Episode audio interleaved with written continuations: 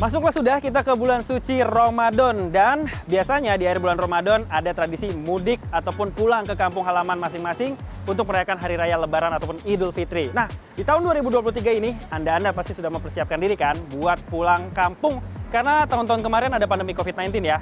Nah, buat Anda yang sudah berencana mudik ke kampung halaman dengan menggunakan kendaraan pribadi, ada beberapa hal nih yang harus dipersiapkan dan juga diperhatikan supaya perjalanan Anda tetap aman, nyaman, dan juga lancar. Kira-kira apa aja nih? Nah, kita simak yuk tips yang berikut ini. Mudik adalah tradisi turun-temurun di Indonesia. Pulang ke kampung halaman kala hari raya lebaran tiba. Masifnya pergerakan masyarakat yang mudik sering kali membuat perjalanan menuju kampung halaman di berbagai daerah menjadi sangat panjang dan melelahkan. Oleh karena itu, persiapan kendaraan, perencanaan rute yang matang, barang bawaan, serta kondisi fisik harus benar-benar disiapkan untuk melakukan perjalanan mudik. Menurut senior instruktur sekaligus pendiri Safety Defensive Consultant Indonesia (SDCI), Sony Susmana, persiapan perjalanan mudik menjadi hal yang wajib dilakukan.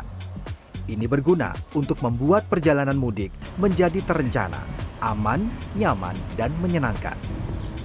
Beberapa hal yang harus dilakukan adalah mempersiapkan terlebih dahulu kondisi kendaraan serta barang bawaan, khususnya perlengkapan keamanan dan kedaruratan. Ya, pengecekan kendaraan itu ada dua. Yang pertama tadi yang Mas bilang secara mandiri, yang kedua dilakukan bantuan mekanik bengkel. Karena kita jangan jadi montir, nggak semuanya bisa kita ketahui ya kan. Tapi paling tidak gini, kita tahu hal-hal yang abnormal di kendaraan kita secara dini. Itu penting banget. Baru kita serahkan kepada pihak bengkel. Tetapi secara mandiri, kalau tidak ada abnormal, ada beberapa part-part yang harus diperhatikan untuk mungkin penggantian, misalnya oli, oli mesin, kemudian kita cek kondisi rem, Para pemudik yang akan melakukan perjalanan sebisa mungkin menyiapkan beberapa perbekalan seperti kotak P3K, obat-obatan ringan, alat pemadam api ringan atau APAR, serta ban serep lengkap dengan dongkrak dan kunci pasnya. Sony juga mengingatkan perlunya menjaga kondisi fisik saat mengemudi. Oleh karena itu, rute yang akan diambil perlu direncanakan agar bisa menentukan di mana titik pemberhentian yang akan dijadikan sebagai tempat beristirahat. Dalam kondisi prima, idealnya seseorang beristirahat setelah melakukan sekitar 3 sampai 5 jam perjalanan. Durasi istirahat yang ideal lebih kurang 30 menit.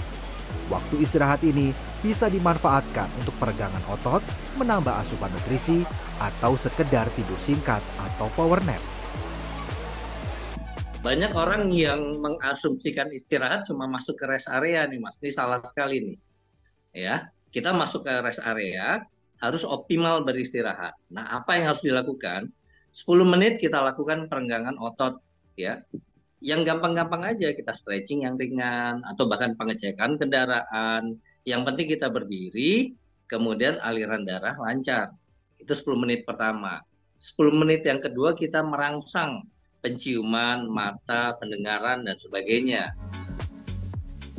Dengan memperhatikan persiapan yang matang, pola mengemudi yang baik, dan istirahat yang cukup, perjalanan mudik bisa terasa lebih aman, nyaman, dan menyenangkan.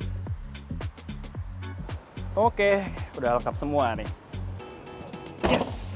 Jadi gimana? Udah pada paham kan sama apa aja yang harus dipersiapkan, apa aja yang harus diperhatikan sebelum melakukan perjalanan mudik. Semoga tips tadi bisa memberikan manfaat kepada Anda yang berencana mudik di tahun 2023 ini. Yang paling penting adalah Anda bisa selamat, aman, nyaman sampai di tempat tujuan. Sekarang, saya bersama dengan tim CNN Indonesia akan melakukan perjalanan jelajah jalur mudik 2023 untuk melihat seperti apa sih kesiapan rute mudik di tahun 2023 ini. Ikuti saya, let's go!